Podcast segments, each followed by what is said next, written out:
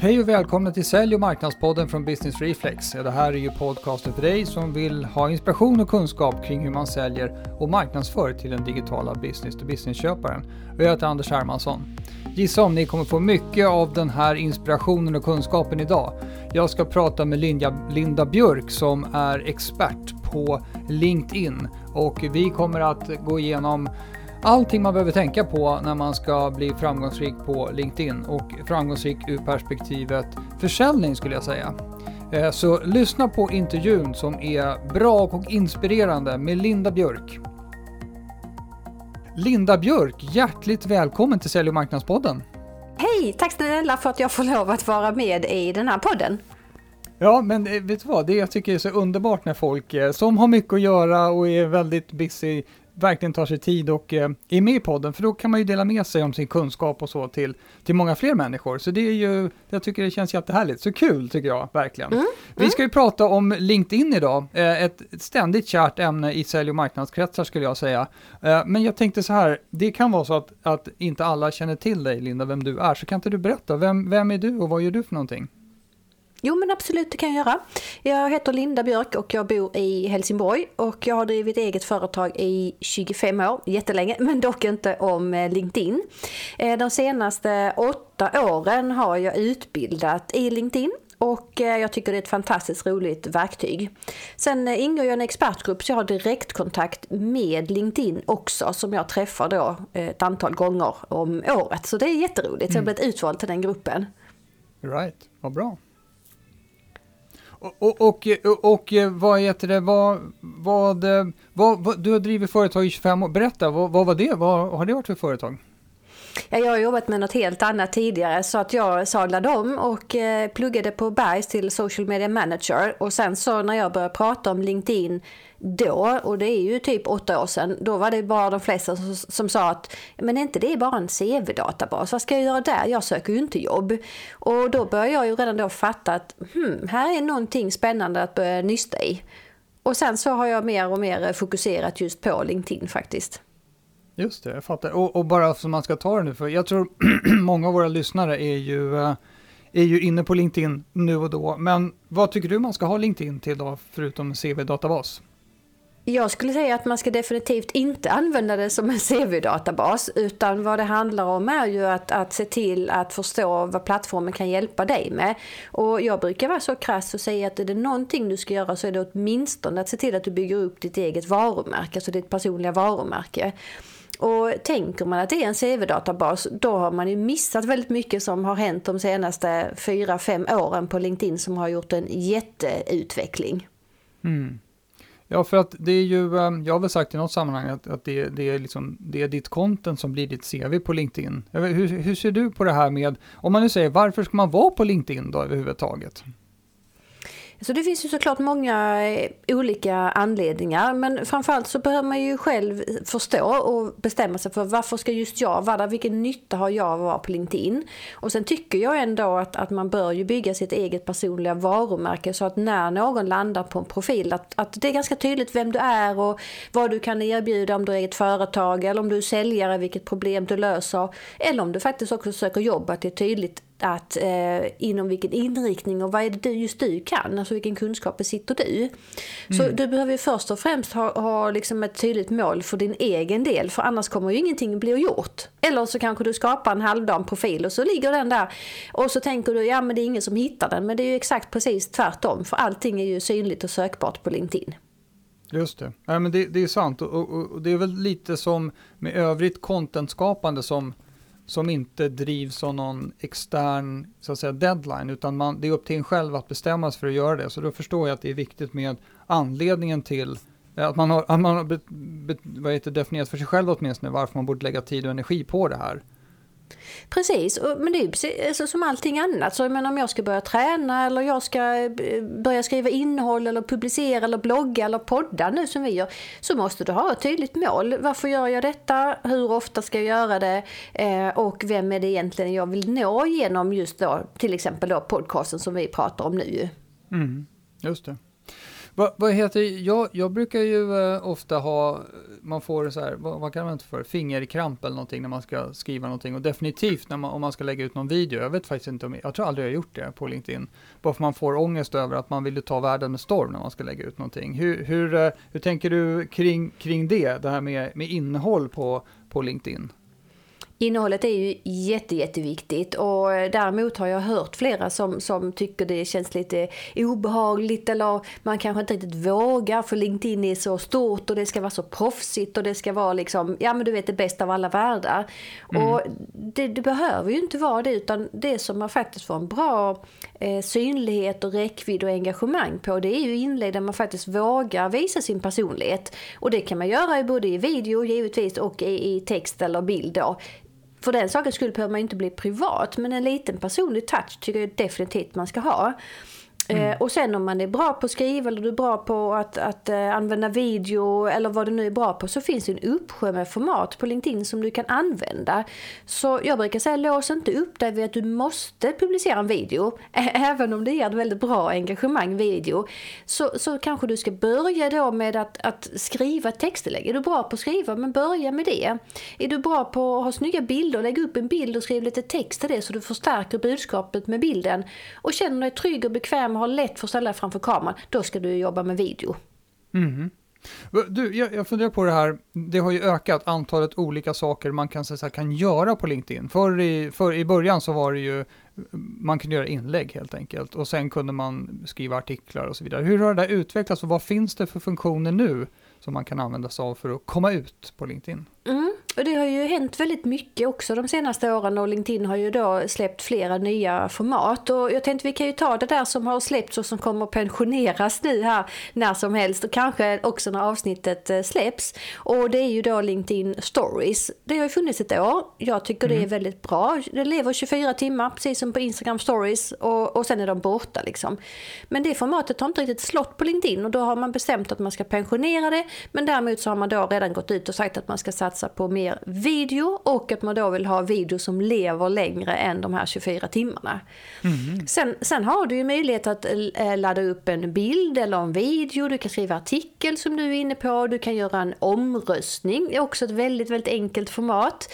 Eh, du kan ju sända live, jag gör det varje fredag 8.30, det har jag gjort i snart ett och ett halvt år och jag tycker det är ju superroligt. Och där ja. har du bara där ett antal format. Och jag ska också faktiskt tillägga att man kan ju ladda upp ett dokument, alltså som pdf som blir swipebara så man kan bläddra i den. Och det brukar också funka väldigt bra. Så tips till dig då som inte känner dig riktigt bekväm med eh, video eller skriva texter så, så skapa eh, snygga bilder, ladda ner det som en pdf och så laddar du upp det som ett dokument på LinkedIn.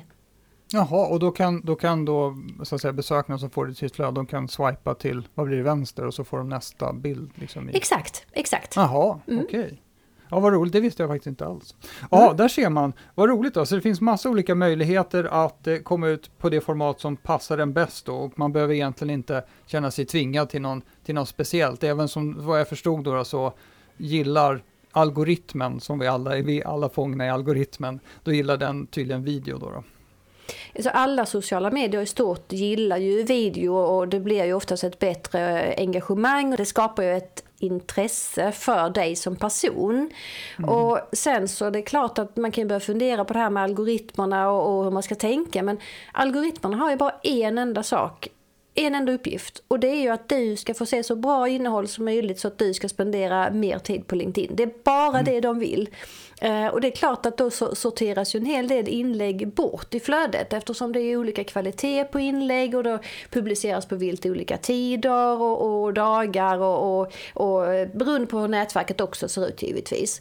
Så, mm. så även om vi försöker hitta sätt att, att uh, få ut så mycket som möjligt så är det ju tillbaka igen till vad känner du dig trygg med? Men självklart är det ju så att video ger ju ett bättre engagemang. Mm. Ja, men det, det, då är det dit vi ska ta oss eh, helt enkelt, till videonivån. Jag, som mm. sagt, jag känner själv att jag, ett, ett ljud är jag ju då uppenbarligen ganska bekväm med, eftersom vi har spelat in en 190 poddar här. men, mm. men, eh, men video just, där, där tycker jag själv att jag har en bit kvar. Men då får man, då får man eh, börja med det man känner bekväm med och jobba sig åt det hållet då, om man ska få maximal engagemang helt enkelt. Ja exakt. Och jag kan ju säga att man kan ju faktiskt ta en, en poddinspelning. Jag har ju sett flera utav eh, framförallt amerikanska personer som jag följer att man, man gör ju en video samtidigt som du poddar. Så du har ju liksom satt upp videon också. Och sen mm. så publicerar du eller klipper du ner den då som kortare avsnitt istället för att du lägger upp en halvtimme för det kommer man ju inte vilja se på LinkedIn. Men att du kanske klipper ner den till eh, ett par tre tips och så har du ju en video i samband med att du ändå spelat in en podd. Och där ser jag också många som missar att man hela tiden tänker att ja men nu gör jag podden eller nu gör jag blogg, jag bloggar ju väldigt mycket. Eller mm. gör jag någonting annat och sen stannar det där. Utan hela tiden tänka i nästa steg och nästa format för att maximera det innehållet som du en gång har tagit fram. Mm. Just det. Vad heter det? Jag, jag, förresten, jag, jag tittar på eh, en sån här livesändning från dig. Då körde du på Facebook och LinkedIn samtidigt om jag inte missminner mig. Live alltså. Ja det stämmer, så det programmet jag använder tillåter att jag kan eh, streama då live till flera plattformar. Så jag kan ju välja att köra LinkedIn bara eller LinkedIn Facebook som jag kör eller så kan jag då välja att köra till exempel LinkedIn eh, YouTube. Det funkar ju mm, också. Ja. Ja. Är det någon skillnad då på de här olika plattformarna hur man ska tänka kring innehåll på, på Facebook och LinkedIn till exempel? Ja, alltså det är ju egentligen det. Så att jag funderar till och från hur jag ska göra. Ska jag sända till båda eller ska jag bara sända på LinkedIn? Sen är det ju så att det är ju faktiskt alla som, som inte finns på LinkedIn. Och jag har ju varje fredag personer som följer mig och är med på Facebook istället. Men, men jag har ju jag har över 25 000 personer som följer mig på LinkedIn. Så givetvis mm. så får jag ju mycket, mycket större spridning och engagemang där. Än, än när jag sänder till, eh, till Facebook där jag bara har någon, några tusen eller vad det nu kan vara för någonting. Just det, så du, du har ju uppenbarligen hittat din plattform så att säga. Så det är ju, det är, då fattar jag din prioritering i alla fall. Eh, mm. Vad heter det? Okej, okay, då har vi gått igenom lite grann om innehåll och sånt där, men, men just det här som jag vet, vi pratade lite grann innan inspelningen här, du, du pratade om att man skulle hitta sitt varför. Kan du prata lite mer om det? Eh, väldigt enkelt skulle jag vilja säga så att, att oavsett vad man ska börja med så är det ju bra att man ska ha ett varför. Och vad är då ditt varför på LinkedIn? Och det kan ju vara, som jag började med, att man ska bygga upp sitt varumärke, du kanske jobbar med, med sälj, du kanske vill då se till att du jobbar med leadsgenerering och eh, social selling. Du kanske jobbar med marknadsföring eh, och då behöver du vara tydlig med att veta ditt varför. Så att här handlar det egentligen inte om att krångla till det, utan när du vet varför och på vilket sätt du kan använda LinkedIn så blir det det också mycket lättare för dig att dels förstå funktionerna men också att publicera inlägg som stärker ditt varför. Mm. Och, och, och, hur ska man tänka liksom kring, alltså det känns ju ganska då som mycket sociala medier, alltså självcentrerat, alltså avsändarorienterat på något sätt. Man skickar ut det man själv tycker och, och det kan man väl tycka då som liksom klassisk marknadsföringsteori, att man ska tänka på sin målgrupp och sådär. Hur ska man liksom balansera de här två då? Vilka man så att säga vill vara till nytta för och vad man själv står för? Mm, den är ju lite klurig men det är en jättespännande fråga. Och det, jag brukar säga att det handlar ju inte om dig utan det handlar ju om dem, alltså de som är på andra eh, sidan, det vill säga mottagarsidan. För att om du mm. publicerar inlägg som bara handlar om dig själv och du pratar kanske bara utifrån företaget, vi har gjort det här och vi är 23 000 anställda och nu har vi en ny medarbetare, så du, du mer basunerar ut ett budskap, då kommer mm. du att få ett dåligt engagemang. Så, så det som funkar bra idag det är ju att jobba med innehållsmarknadsföring och att vi bjuder på kunskapen. Och då behöver du veta vad är det för innehåll som min målgrupp skulle vilja ta del av och till och med lägga tid på för att ge mitt inlägg engagemang då.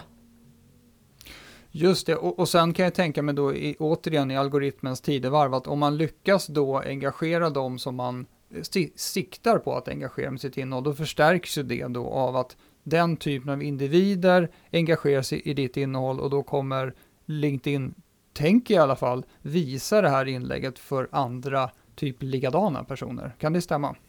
Det stämmer ja, plus att också att om, om vi tar dig som exempel då Anders, att om du engagerar dig i mina inlägg så, så är det mm. samma sak, då får du se mer utav det här och då börjar också LinkedIn förstå vad är det egentligen för ämne som du är intresserad av. Och då har du också möjlighet att få se mer utav just det här ämnet och det kan man ju koppla till hashtag eller hur ditt nätverk ser ut eller kanske företag som du följer. Mm. Så, så igen där så handlar det om att, att du ska få se så bra innehåll som möjligt. Just det. Jag har en, en, en, grej som jag funderar på en del. Det, det är det här med, eh, i, för några år sedan, då, då hade man inte kommit på eh, att vara så sofistikerad. Då var det mer rakt av skryt. Nu är det, nu är det de flesta sådana här inlägg som jag tycker är, är, är skryt. Det är så här, vi är så stolta över att ha vunnit det här priset, eller vi är så stolta över. Hur, hur ser du på sådana inlägg? Jo, men det är väl klart att vi måste få skryta, det tycker jag absolut. Och eh, jag vet ju ganska ofta, i, eller ofta, men, men i alla fall i marknadsbranschen då, eller byråbranschen, så finns det ett antal priser som man är ju väldigt eh, nöjd för att antingen att man har blivit eh, nominerad eller då att man till och med vinner. Så, mm. så det är mm. väl klart att man ska få göra det. Men det är ju inte det jag vill se merparten av, eh, om jag tänker mm. på mig själv och, och, vad jag skulle lägga engagemang på. Eh, hade jag sett då en byrå bara, ja vi har vunnit, eh, kan det heta Guldägget eller vad finns det för priser? Ja, det är väl det. det, det jag tror, jag, jag, är ingen bra på det, men jag tror 100 wattan är väl någon sorts lampa, fast den känns hur outdated som helst. Det ska ju vara en 4 wattars LED-lampa, inte en 100 watts energikonsumerande glödlampa. Ja, det är sant. Du får kanske be att de byter namn på den här, men oavsett vad det heter då, man, man, får, man vinner det här i alla fall. Så det är klart att man ska få skriva att eh, yes, vi lyckades, vi vann i den här eh, tävlingen och vi känner oss så nöjda. Och ja. det kommer säkert ge massa tummar men, men det kanske inte ger det här tänkvärda kommentaren att, att man börjar prata med varandra bland kommentarerna.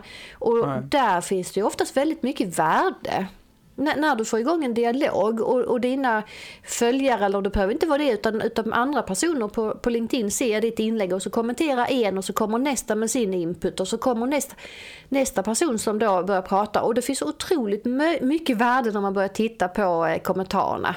Mm. Och det är det ja, som jag tycker är värdefullt. Ja, precis. Och jag tycker faktiskt att eh, en sak som då inte alls är att bjuda på content, det är möjligtvis att visa sig något sårbar.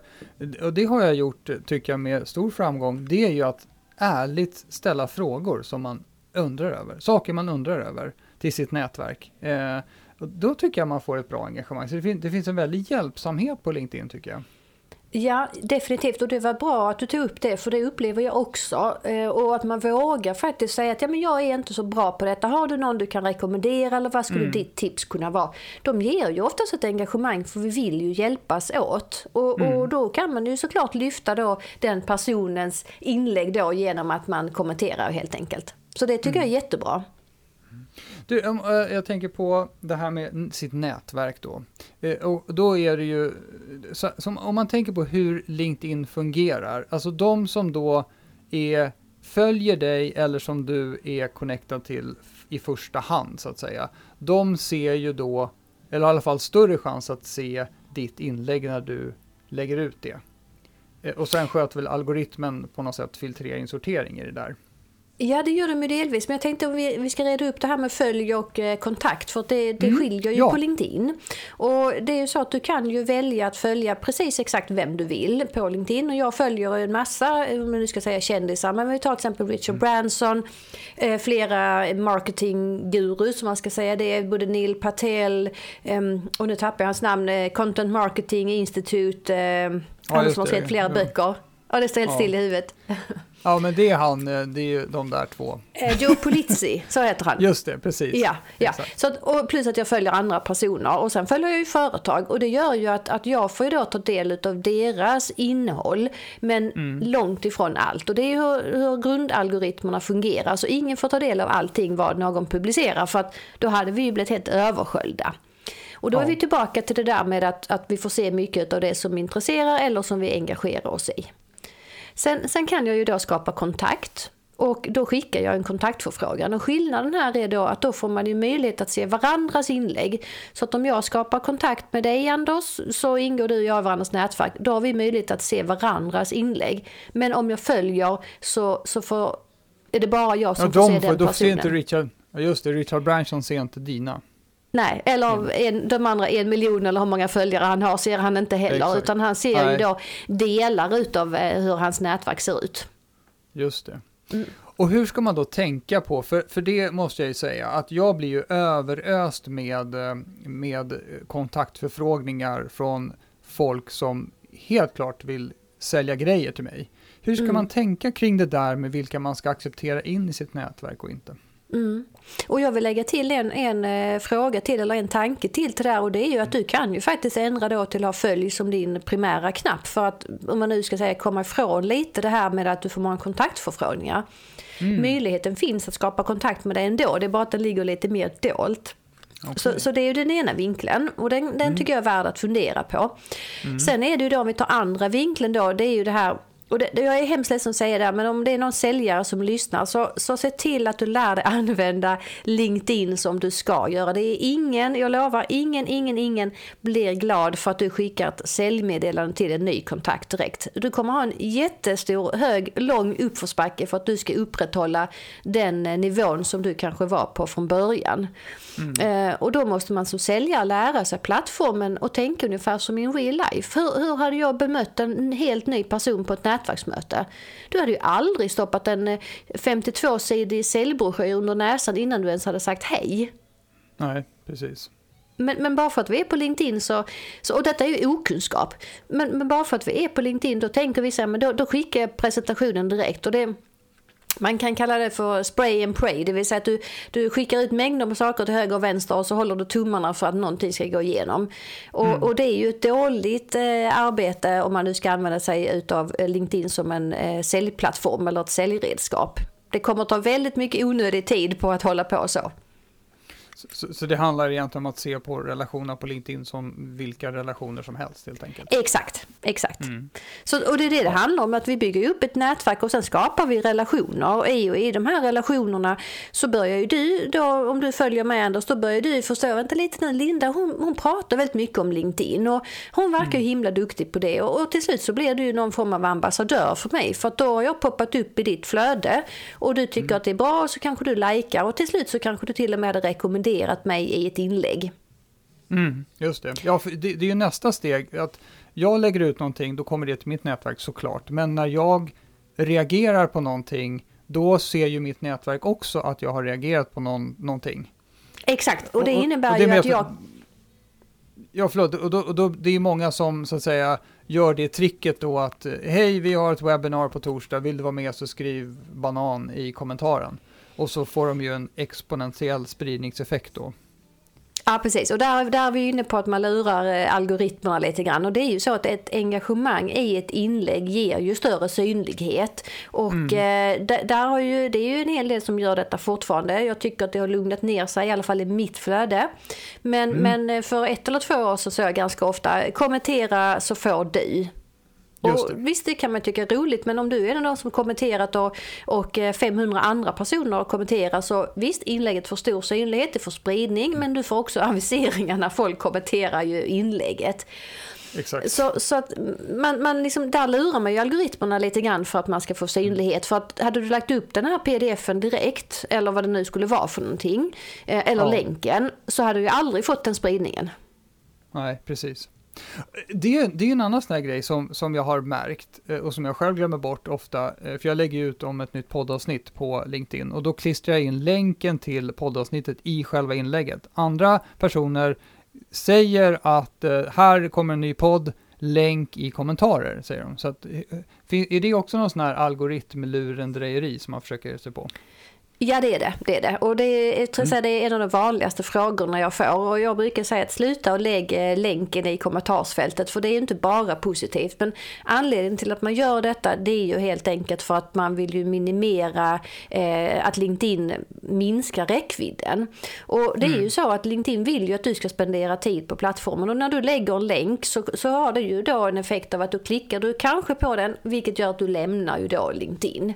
Exakt. Och här tycker jag att alla vi som innehållsskapare och publicerar innehåll, vi bör ju istället tänka på, måste jag ha en länk? Skulle jag kunna göra på något annat sätt? Och när jag måste ha en länk, för det måste vi faktiskt ha, eh, då får du publicera en länk. Och så får mm. du bara deal with it. För, för det som händer sen om du lägger länken i kommentarsfältet, det är ju till exempel om någon som delar ditt inlägg, då följer ju inte länken med. Så då är den ju liksom Nej. körd i vilket fall. Och det kommer ingen leta upp ditt originalinlägg för att gå in och titta bland alla kommentarerna och försöka leta för upp den. För att hitta min länk. Nej. Precis. Men hur du Linda, vet du vad, det känns lite bättre nu, för nu tänker, då fortsätter jag göra som jag alltid har gjort. Ja, vi gör det. Och jag måste säga en grej till här kopplat till länken. Mm. Så är det ju så att LinkedIn visar ju inte alla kommentarer. Så får ditt inlägg då eh, 100 kommentarer så kommer du komma ner där det står eh, här är det här vi visar, vi visar inte alla kommentarerna. Och då spelar det ingen roll var du har lagt din länk för då kanske det är just din kommentar som inte ens visas bland kommentarerna. Så att man biter sig själv lite i svansen men ja. Det är ja, bättre förstår. att fundera på varför måste du länka och när är det viktigt att göra det. Ja, precis. Någonting som jag har funderat över, jag, jag hör att jag säger, för jag har funderat över väldigt mycket kring LinkedIn, det är det här, de här eh, eh bottarna och verktygen och sånt eh, som jag tycker fuskar. Alltså eh, tittar på profiler fast människan bakom inte alls har tittat och, och eh, sådär. Hur, hur ser du på sådana verktyg? LinkedIn släppte ju en artikel i somras tror det var, där de har ju tagit i ännu mer med, eh, vad ska jag säga, hårdhandskarna då just till de här bottarna och det är ju också när man skrapar data då ifrån LinkedIn som, som eh, man har tagit i med hårdhandskarna. Man har ju, stoppar ju fake-profiler till exempel. Ehm, mm. Um, jag får ganska ofta frågor från personer på LinkedIn att eh, man har helt enkelt blivit begränsad. Och det som händer med de här, det är ju då, om vi tar ett exempel så kan ju ett sånt här verktyg då, automat, automatiserat verktyg, besöka x antal personer eh, i bakgrunden automatiskt då. Mm. Och du kan också ha verktyg som till exempel skickar x antal meddelande till Eh, dina kontakter och så vidare. Men då är det så att LinkedIn har då skärpt de här reglerna så att det som händer då när de börjar känna av detta, för är det någonting de kan känna av så är det ju när det går liksom automatiserat. Du besöker många profiler på rad eller du skickar många kontaktförfrågningar. Så är ja. det så, bums du får åka direkt i fängelse och då stänger ju LinkedIn av eh, funktioner för dig. Och ja. det har jag fått väldigt, väldigt många som har kontaktat mig. Hur gör jag? LinkedIn har stängt av detta. Okay. Eh, men det är ju så att de stänger ju inte av de här funktionerna egentligen direkt utan du får ju faktiskt först en varning att nej men nu ser vi att du använder LinkedIn på ett felaktigt sätt, du kanske sitter och prospekterar och mm. Eh, nu får du faktiskt sluta med det här. Och lyssnar mm. man inte där, då blir du avstängd. Och det kan vara okay. både från att möjlighet att skicka kontaktförfrågningar, eh, de stänger av eh, sökfunktionen och då är man ju rätt ja, så illa i det, framförallt om man jobbar ja. som, eh, som säljare då. Ja. Um, och det här har jag faktiskt en artikel om på min blogg, smartbiz.se, hur, hur det går till för att man ska åka i LinkedIns fängelse eller vad man ska undvika då helt enkelt. Okej, okay. men det händer ganska ofta. Det. Ja, mm. jag fattar, men vad bra att du tog upp det, för jag vet inte, jag kanske, ibland känner man som man är bakåtsträvare, man, man börjar bli en sån här eh, Ove, en sån här gubbe som muttrar över allting. Men jag tycker de här fuskverktygen, de ligger inte för mig. Eh, och det var ju, det var ju bra att, att det liksom ligger i linje med den riktiga användningen av LinkedIn på något sätt, som ett socialt nätverk och inte som en, en spammaskin då. Mm, mm, precis, och de, de har ju dragit åt eh, mer och mer på det här. Och jag tänkte också, vi ska gå tillbaka det här med länk i kommentaren och så. Så att ja. är det någonting LinkedIn borde lätt, lätt, lätt kunna känna av så är det att det efter eh, 15 sekunder den första kommentaren kommer från samma person, eh, samma mm. IP-adress och ja, det kan man visserligen komma ifrån ganska lätt. Men man ser ju att det kan vara samma konto eller samma företag eller vad det nu är. Så, att, så det är klart att sådana enkla saker är ju lätt för LinkedIn att, att eh, stoppa ju. Ja, just det. Precis. Och, och, och eh, vad har de som mantra? Members first. Så det är ju för vår skull som användare då som de gör de här grejerna såklart. Mm, mm. Och, och, det är ju inte så konstigt för jag menar, om jag får då eh, se en massa konstiga saker eller jag får se dåligt innehåll eller, eller jag får konstiga meddelanden eller kontaktförfrågningar som vi pratar om. Mm. Så det är klart mm. att då kanske jag känner till slut, nej men vad är nu LinkedIn för någonting? Och så slutar jag spendera tid där och, och det vill ju inte LinkedIn såklart. Nej, precis. Nej, man stänger av notiserna för det kommer så mycket skräp mm. så att säga. Så då, mm. ja, exakt. Du, eh, vad heter det, finns det någon, någon eh, hyfsat enkel eller begriplig beskrivning av hur man ska tänka på LinkedIn och sin säljprocess? Hur det, ja, det passar in liksom på olika ställen i en säljprocess till exempel. Mm, där upplever jag att en del krånglar till det. Men, men om, om man ska ta basic så är det ju första det är ju att se till att man har en riktigt bra profil. För att när man börjar mm. bli mer aktiv på LinkedIn så är det ju så att personer kommer ju att besöka din profil. Och då är det ju otroligt viktigt att den är tydlig och bra. Och jag brukar vara så krass och säga att din, din profil på LinkedIn det ska ju vara som en, en landningssida. Och det mm. viktigaste, alltså som en säljsida. Men inte så att du ska kränga utan, utan en verkligen tydlig sida. Vem är du och vad kan du göra för mig? Sen handlar det ju om att, att bygga upp ett nätverk, att du, du ser till att skapa kontakt och som säljare så behöver du då leta, leta upp beslutsfattare, du kan följa företag och sen behöver du också då engagera dig i, i dina blivande kunder, alltså dina prospects. Och sen har du mm. vanligt säljarbete, skriva lista, vilka prospects eh, vill du nå, alltså vilka företag vill du ha som kund, hur kan du påverka dem? För en uppgift till du har som säljare där, det är ju att du ser till att du publicerar innehåll som stärker ju din kompetens och det problemet som du kan lösa. Och mm. då är vi inne i den här social selling-processen som gör att om du under en, en kontinuerlig tid. Och Joe Polizzi som vi nämnde tidigare, han säger att det tar ju någonstans mellan 12 till 24 månader för att du ska få en bra effekt utav content marketing. Mm.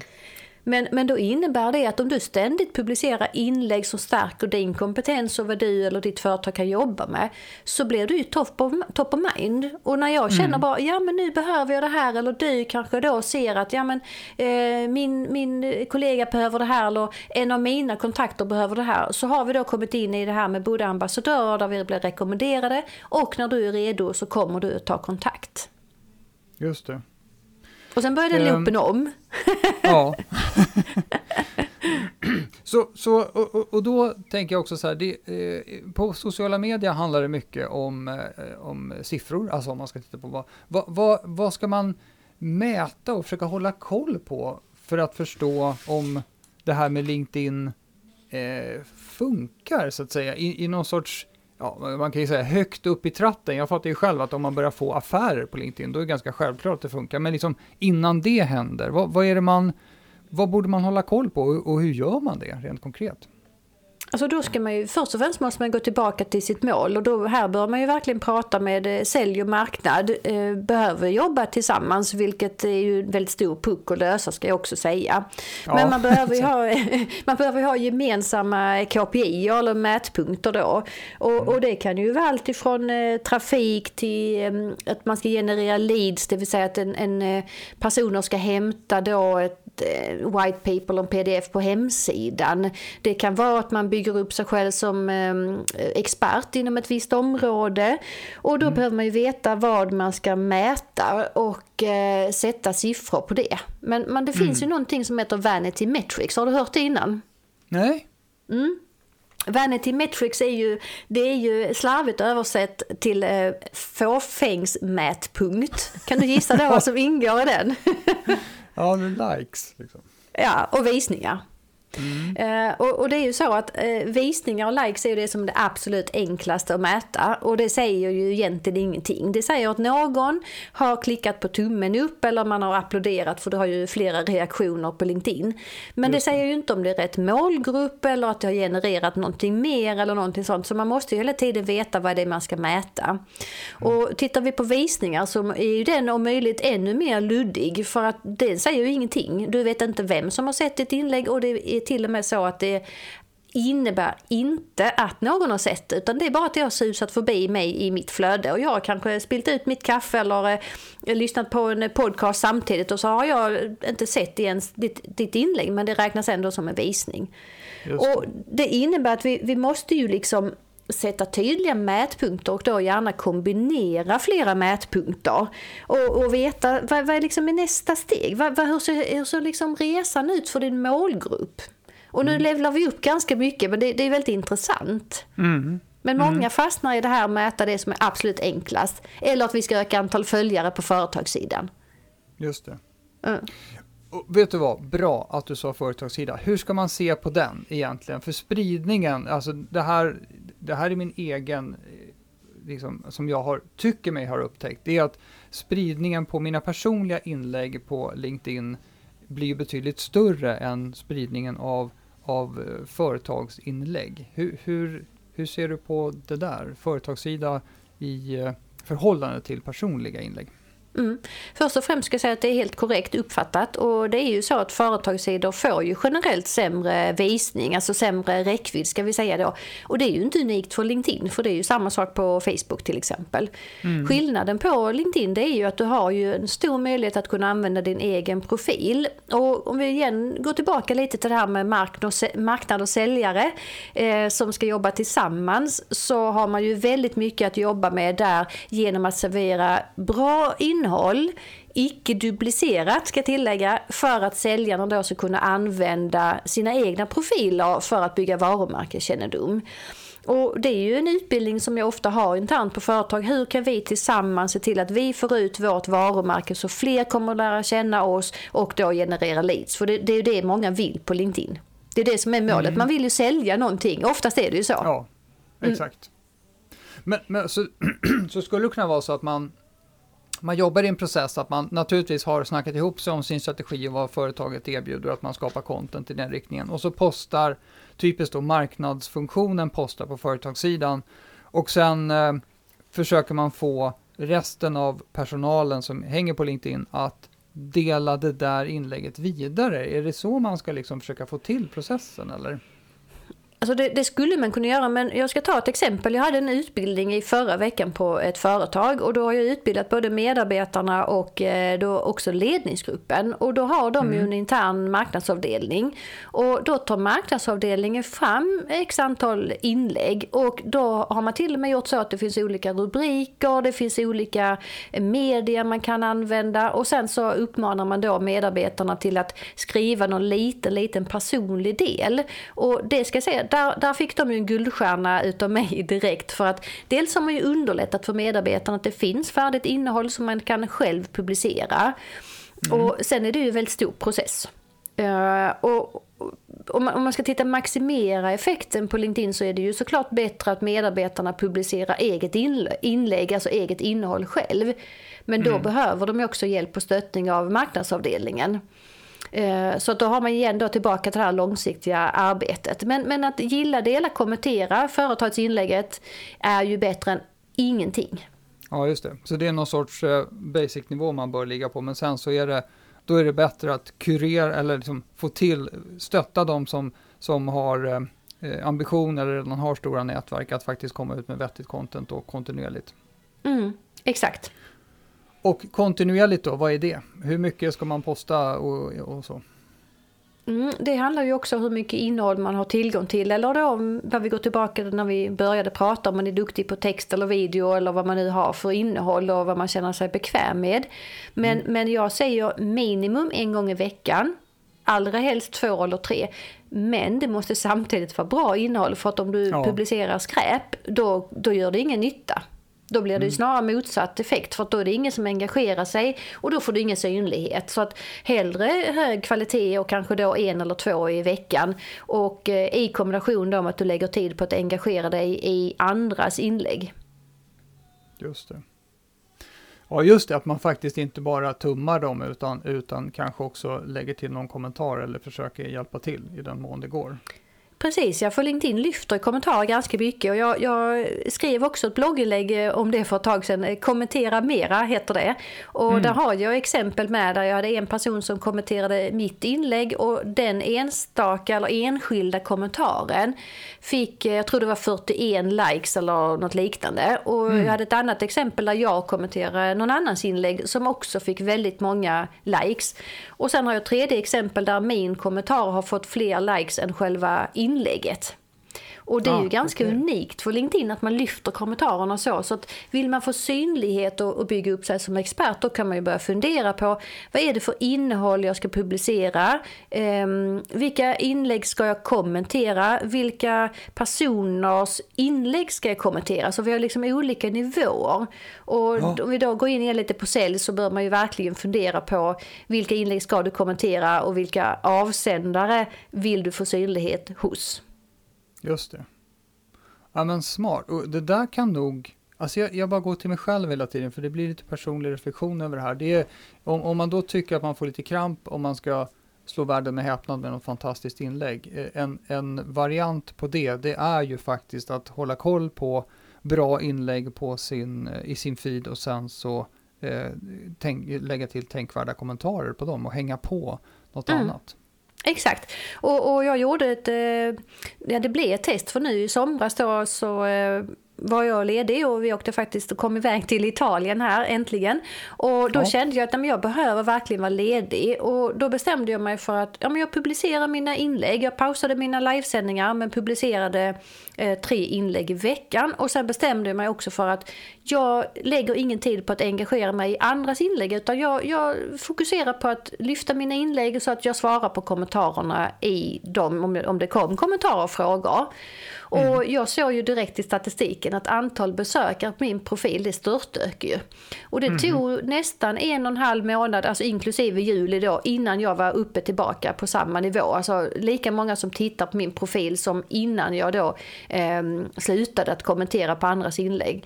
Så det är otroligt okay. viktigt för att få en, en synlighet att lägga tid på andras inlägg också. Ha, men det är också en kombination. Mm. Ja, men jag fattar. Men gud vad bra att det kom fram här. För jag tycker det är ganska sällan det lyfts upp. Utan det är så här, men du ska vara en publiceringsmaskin här. Med bra content naturligtvis. Men just det där andra engagemanget. Att det också kan ge, om man då säger resultat. Det tror jag, det tycker jag, det tror jag det är, det är nog motiverande för många att höra det. Och sen resultatet där, det beror ju då på att när de landar på din profil, det, det, måste vi komma ihåg också, så, så behöver jag ju förstå vem du är och om det är du just som antingen vill skapa kontakt med eller om jag ser att ja men här är en person som kan hjälpa mig att lösa mitt problem. Så den, mm. det blir ju nästa steg sen, så att även då antal följare eller antal kontaktförfrågningar ska ju öka i samband med mm. att den siffran ökar. Annars så måste man titta över sin profil. Just det. Ja, men bra. Just det. Då, har man, då har man ju en landningssida som inte konverterar helt enkelt. Ja, precis. Exakt. För att snacka lite marknadslingo.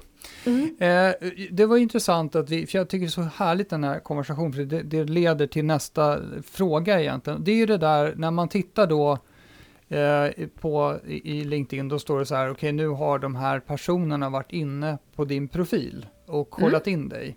Hur ska man jobba med den listan tycker du? Alltså jag, jag, tänker att man igen kan välja lite grann. Och då ska jag också säga att har man ett gratiskonto så ser man ju bara de senaste fem. Mm. Har, du, mm. har du premium, Anders? Ja, faktiskt. Jag, jag, de har, jag hade det för många år sedan och sen har de varit väldigt liksom, ihärdiga med att erbjuda mig det där igen. Då. Så jag, jag, mm. jag nu du hoppade här, på?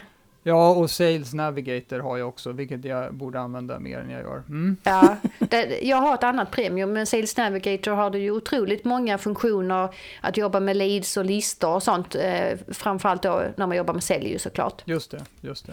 Men fördelen då när man har premium då, det är ju att jag ser ju alla som har varit inne på min profil. Förutom de då som har valt att vara hemliga, för de kan man ju aldrig se. Och Nej. då får jag ju börja titta på dem. Okej, vilka är ju då, nu hamnar vi lite på säljsnacket här då, men är det mm. någon som är i min målgrupp? Ja, men det kanske mm. det är. Ja, men jag jobbar mot de här personerna. Då ska man ju definitivt börja fundera på att, att skapa kontakt eller då följa om man nu vill göra det då. Mm. Så här är det ju igen att gå tillbaka till vad är just ditt mål med LinkedIn och vad vill du, vad vill du ha ut av plattformen? Mm. Just det. Eh, och det är bra då som sagt att inte glömma bort den där. Vill man ha lite bättre koll på historiken så kanske man ska betala en slant till, till LinkedIn för att få, få premium så att säga. Mm, mm. Och det finns ju en eh, billigare variant också som, som har ju färre funktioner men det är ju fortfarande att du får se då de personer som har tittat på din profil.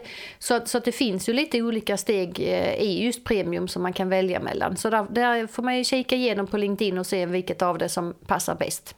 Och sen har de ju 30 dagars eh, prova på på alla. Det, kom ihåg bara att man ska säga upp det sen också så att det inte förlängs sen. Exakt. Det, det, den förlängs alldeles av sig självt. Det är en service mm. de har på LinkedIn. Ja, ja jättefint. Ja, Okej, okay. eh, vad bra. Är det någonting som, som eh, vi har glömt att prata om, som du brukar ta upp när du, när du går igenom det här med, med LinkedIn, eh, som, som jag har glömt att fråga om helt enkelt? Alltså jag tycker vi varit igenom det mesta. Vi har pratat om innehåll, vi har pratat lite om nätverk, vi har mm. pratat om sälj och marknadsföring. Vi var inne på det här med automatiserade verktyg. Mm. Vad ska man mäta? var vi också inne på ju. Ja, och sen då och hur, hur, man blir... Ja. Precis, och sen hur man blir aktiv. Och mm. det, har vi, det är egentligen allting vi har pratat om. Så, så jag brukar väl bara helt enkelt säga, bara kör igång. Och, och sen så får man ju vara beredd på att det tar tid. Så att eh, ingenting kommer av sig själv och det gör det inte på LinkedIn heller. Utan man måste kontinuerligt se till att vara där och vara synlig. Bygga upp sin eh, profil, bygga sin närvaro och ja. igen då ha ett tydligt svar på sitt varför. Va, ja, vad vill du det. ha ut av LinkedIn? Mm. Ja. Och, och, och, det brukar vara så att vi brukar avsluta podden med att fråga våra, våra kära gäster här vad man ska göra nu då som nästa steg. Men det var nästan så att du, du sa det. Jag gjorde en sammanfattning automatiskt. Ja. men, men, men eh, då tar jag det igen. Då. Det första är att kolla på sin profil och då får man ta på mm. sig granskande ögon så man får låtsas att man är en annan eller så får man be sin kollega. Hur tydlig är profilen? Är allting ifyllt? Och sen ja. är det ju såklart att sätta av tid. Sätt av tid i kalendern, blocka 5, 10, 15 minuter eller vad, hur mycket tid du har. Det är klart att när du lägger lite mer tid så kommer du också få bättre effekt. Men jag brukar sticka ut hakan och säga på 15-20 minuter om dagen så kommer du långt på LinkedIn. Om du vet vad du ska göra och inte fastnar och börjar slöskrolla. Men vi är ju mm. människor med så det är klart att vi måste göra det ju. Ja, just det. Åh, nu kommer jag på en grej till ju. Sådana här verktyg som buffer och sånt, vad tänker du kring det? Att man lägger upp en hög med inlägg som man har förskrivit och så går de ut när de ska. Jag älskar ju de här verktygen. Mm. Jag förespråkar det ju till alla. Det finns ju en uppsjö med verktyg. Och Buffer är ju ett av de som är absolut enklaste. Det, det enda det gör det är att du publicerar det inlägget som du vill på den tiden och den dagen du har bestämt. Mm. Och eh, börjar du publicera en massa content eh, så kommer du behöva hjälp. Sen vet jag ju andra som, som använder till exempel en eh, Google eller Outlook-kalender.